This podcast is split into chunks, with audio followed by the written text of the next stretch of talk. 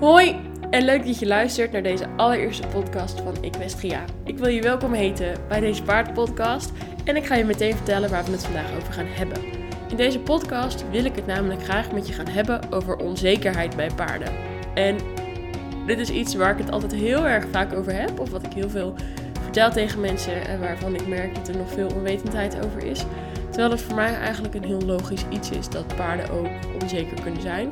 En daarom dacht ik, laat ik hier gewoon mijn allereerste podcast over maken. Dus ik hoop dat je eh, er zin in hebt. Ik hoop dat je het interessant vindt. En heel veel plezier met luisteren.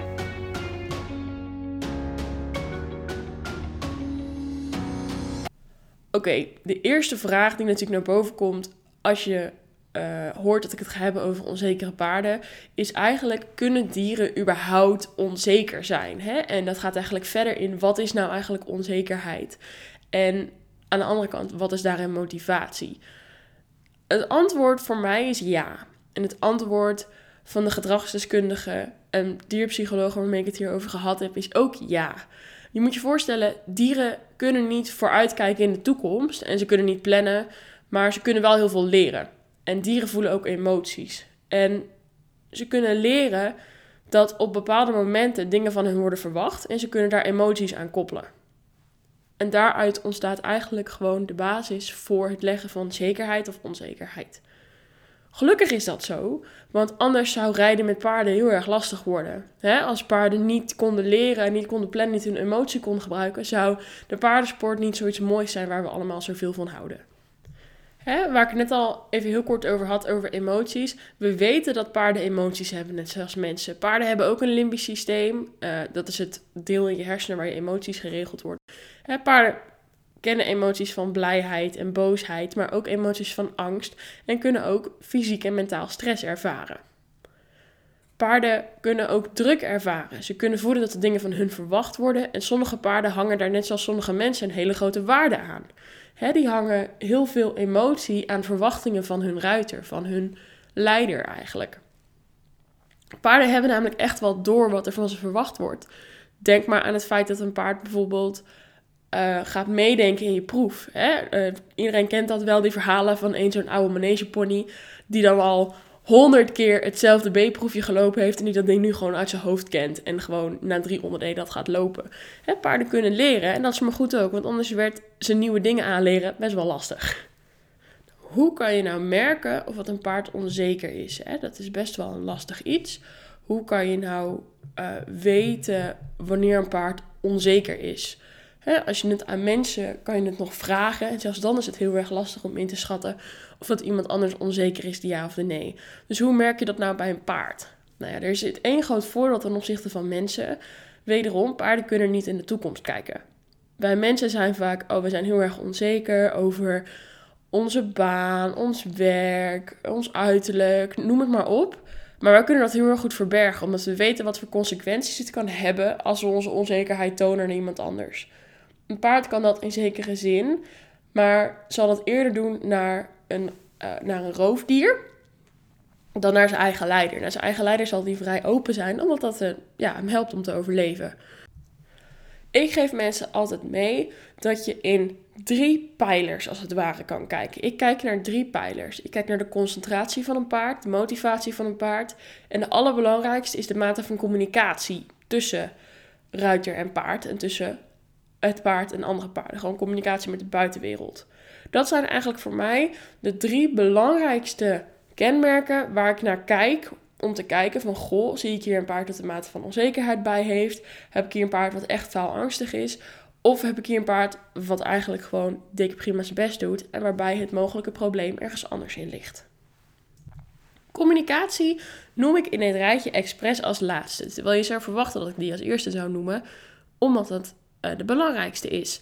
Ik noem hem als laatste.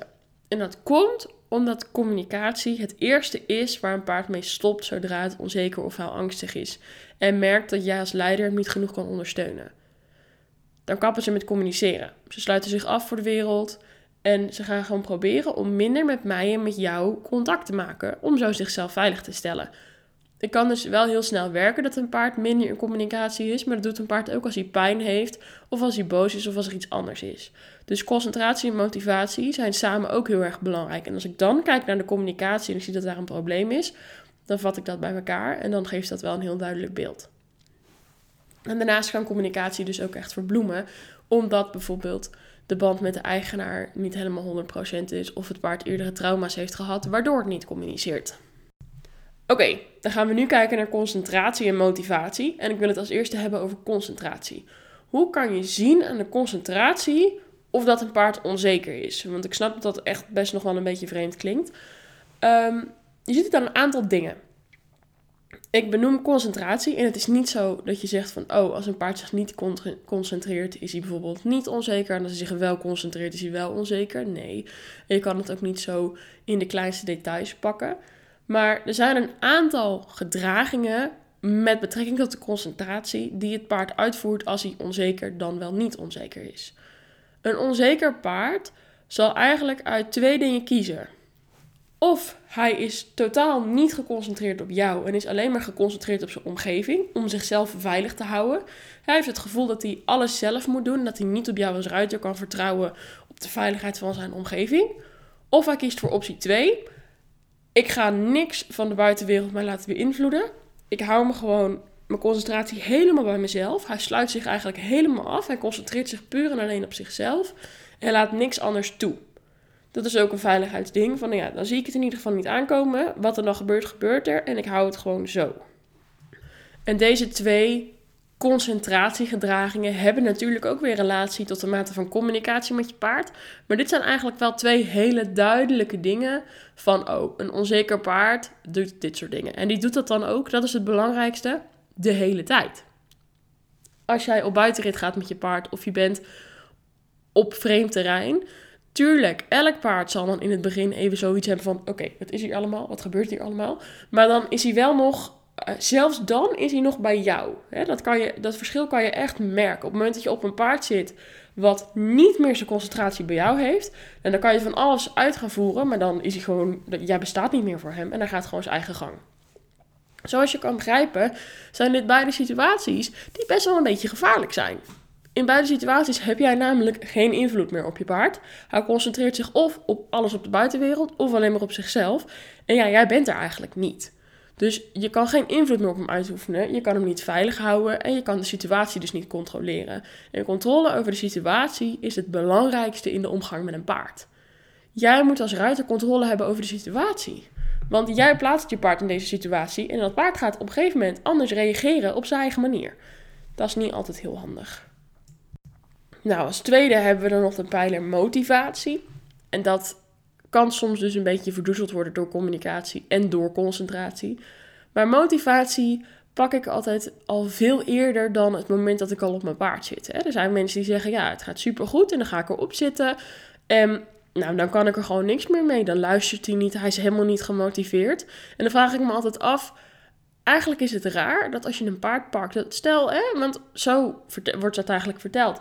Oh, ik loop de wei in, dat paard komt naar me toe gerend. Hè, hij doet zelf zijn hoofd in zijn halster, hij wandelt zelf naar de poetsplaats, hij gaat daar poetsen. Nou, hij pakt praktisch de zadel van de standaard al af, hè. Nou, hup, opgezadeld, helemaal niks aan de hand. Hij hapt zijn bit in of hij doet zo zijn hoofdstel om. We gaan naar de bak, niks aan de hand. Ik wandel aan de hand, vindt hij helemaal super. Maar het moment dat ik mijn voet in de stijgbeugel zet, is ineens alles weg. Dat kan. Ik geloof best dat er paarden zijn waarbij dat is. Maar wat ik meestal zie, is dat het in al die stapjes daarvoor al niet zo gaat zoals ik net beschreef.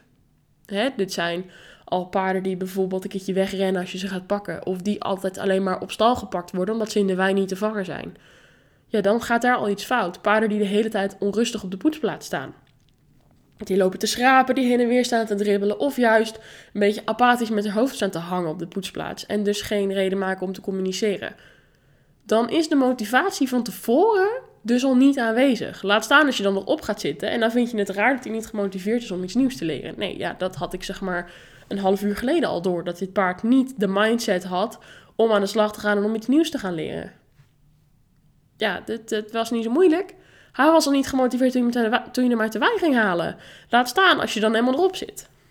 Motivatie is daarom voor mij een hele snelle factor die ik heel erg snel kan herkennen en die ik heel graag gebruik bij mijn eigen paarden. Om dus te checken, gaat het nog goed met ze? Ik heb een aantal paarden die zijn onzeker en daar zijn we mee bezig geweest. En dat gaat hartstikke goed nu. Maar dat blijft er altijd een beetje in zitten. Net zoals dat het altijd in een kind blijft zitten dat gepest is. Of ja, altijd in mensen blijft zitten die onzeker zijn geweest. En om dat te checken heb ik in mijn routine met de paarden een aantal markers ingebouwd. Zodat ik heel snel kan zien hoe is de motivatie, hoe is de concentratie en hoe is onze communicatie. Zodat ik zelf weet hoe gaat het, hoe staan we ervoor. En dat wil ik dus niet doen op het moment dat ik al op mijn paard zit, maar dat wil ik meteen in het eerste contact wil ik dat meteen checken. Ik heb daarvoor een aantal markers. Ik laat bijvoorbeeld mijn paarden naar mij toe komen. Dus ik heb ze een commando aangeleerd. Ik sta in de wei, ik hou het halster omhoog en ik tik met mijn hand op de zijkant van mijn jas of mijn broek of wat ik dan ook aan heb. En ik roep de naam van het paard. Dan is de bedoeling dat hij naar mij toe komt. Dan doet hij dat niet, ga ik een dingetje dichterbij en dan vraag ik het nog een keer. Als ik het een aantal keer moet vragen en hij komt nog niet, dan gaan bij mij de radertjes al aan, want normaal komt hij wel. Vervolgens laat ik mijn paard zelf het halster in doen. Dus ik hou het halster voor. En het is de bedoeling, en dat weten ze allemaal, dat ze er hoofd naar beneden doen en dat ze er neus in het neusgedeelte doen. En dan hang ik hem zo om hoofd. Als ze dat dan niet doen, dus ze komen niet naar me toe en ze hangen de hoofd niet in mijn halster, heb ik al twee markers gehad die nu niet voldoen. Dus dan sta ik al op scherp. Meestal gooi ik het touwtje over de nek heen en loop ik dan zo met ze weg. Als ze ook nog eens niet met me mee willen lopen, dan laat ik eigenlijk mijn plan wat ik had van nou dit wil ik misschien verbeteren of hier wil ik misschien mee werken, laat ik op dat moment al varen. Ik ga wel met ze aan de slag, maar ik ga geen moeilijke nieuwe dingen proberen. Neem ik ze mee, zet ik ze op de poetsplaats. Nou, en dan kan het daar gewoon allemaal goed gaan. En als ik dan mijn hoofdstel bijvoorbeeld in ga doen, ah, dan doen ze gewoon netjes de hoofd naar beneden. Want daarbij doe ik dat ook, hè. Ik laat ze de hoofd naar beneden doen en dan hang ik de hoofdstel in. Tussen het poetsen door, als ik van kanten wissel, vraag ik ze uh, altijd voor een beetje communicatie. Dus dat ze even naar achter kijken, dat ze een snoepje krijgen, dat soort dingen. Nou, als ze dat niet doen, dan zijn ze dus ook qua concentratie niet bij mij. Want ze weten dat ze normaal een snoepje krijgen, maar ze zijn dus niet geconcentreerd op mij en zijn er dus niet mee bezig. Allemaal markers en dingen die ik dus herken in hun gedrag. En waaruit ik lees, hoe zijn we vandaag? En als je dat moet gaan doen terwijl je al op je paard zit, ben je eigenlijk, zoals je hoort, al zoveel stappen verder. Dan heb je eigenlijk al zoveel signalen gemist. Dat je misschien wel met een verkeerd plan aan de slag gaat. En ja, het dan niet lukt. En dat je dan een soort gevecht krijgt. En dat gevecht is precies iets wat ik ook altijd zo belangrijk vind om te zien bij een paard. Daar kan je heel erg goed het karakter van een paard in zien. En vooral hoe je bijvoorbeeld bepaalde problemen of onzekerheden kan verhelpen. Heb je een paard wat eigenlijk alleen maar stil gaat staan en zich helemaal afsluit? Oké, die heeft dan al vaak ondervonden. Als ik wat van me laat horen, heeft dat geen effect. Dus ik laat gewoon niks van me horen. Heb je juist een paard wat overal tegenin gaat, gaat lopen trekken, weg gaat rennen, dat soort dingen. Dat is een paard wat nog eigenlijk in de vechtmodus zit, hè, in de fight-modus zit. Dit soort dingen worden door paarden heel erg bekeken in de fight-of-flight modus. Nou, zodra hij niks meer doet, zit hij gewoon in de flight modus. Dan sluit hij zich gewoon af en dan denkt hij, ik laat het allemaal wel gebeuren. En andere paarden zitten echt nog in de fight modus. Dus in de nee en ik wil dit niet en ik ga hier wat tegen doen en ik word niet begrepen enzovoort. En dan gaan ze knokken. Daarin kan ik ook al zien wat voor dingetjes we kunnen gaan doen om het paard te helpen. Omdat het heel erg belangrijk is in het verdere herstel van dit probleem. En het eerste onderdeel om een paard te helpen met onzekerheid is in kaart brengen wat de oorzaken kunnen zijn voor het ontstaan van deze onzekerheden of gedragsproblemen. En wat factoren kunnen zijn voor het voortbestaan van die onzekerheid. Dus wat kan er nou voor zorgen dat dit zo blijft? Nou, een van die dingetjes, zoals ik al een beetje besprak, is dus het niet communiceren vanaf het eerste moment. dus het moment dat je je paard gaat pakken en dat je dan eigenlijk nog heel erg met jezelf, of wat ik tegenwoordig veel zie, met je telefoon bezig bent. Dat je tijdens het poetsen met je telefoon of met andere stalgenootjes bezig bent. Nou, dat je eigenlijk gewoon zonder ook maar enige ingang van communicatie met je paard te maken. Op, zadel erop, flikkert, hoofdstel om, had ze flats naar de bak. Dat je er dan op gaat zitten en dat je dan zegt, zo paard, en nu wil ik jouw volle concentratie kan het prima voortbestaansfactor zijn van de onzekerheid van een paard. Want wat leert een paard hieruit?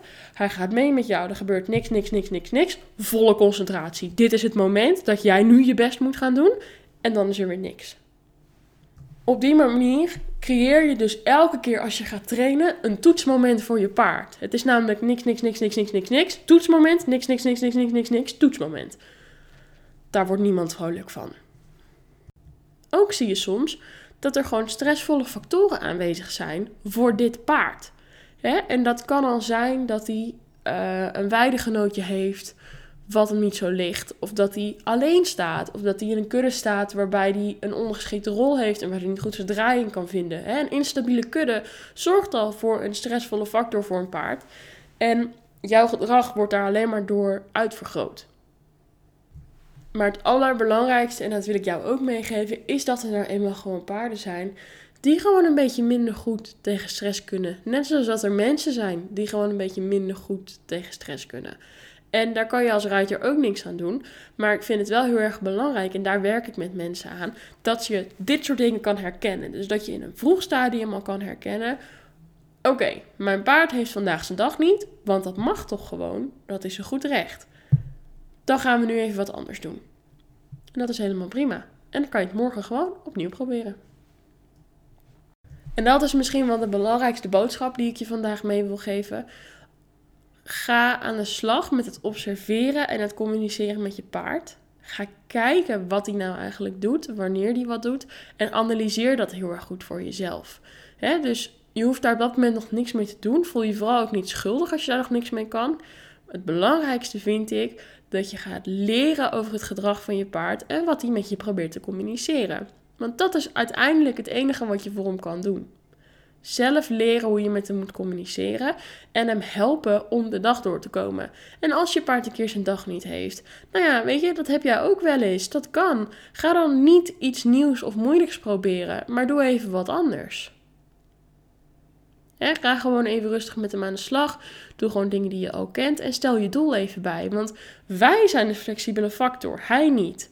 En dat komt omdat wij plannen wat we willen doen. En wij kijken in de toekomst en hij doet dat niet. Nou, dat was hem. Ik hoop dat jullie het leuk en interessant vonden. Dit was de allereerste Equestria podcast. En ik hoop natuurlijk dat je heel graag de volgende keer weer meeluistert. Tot dan. Doei!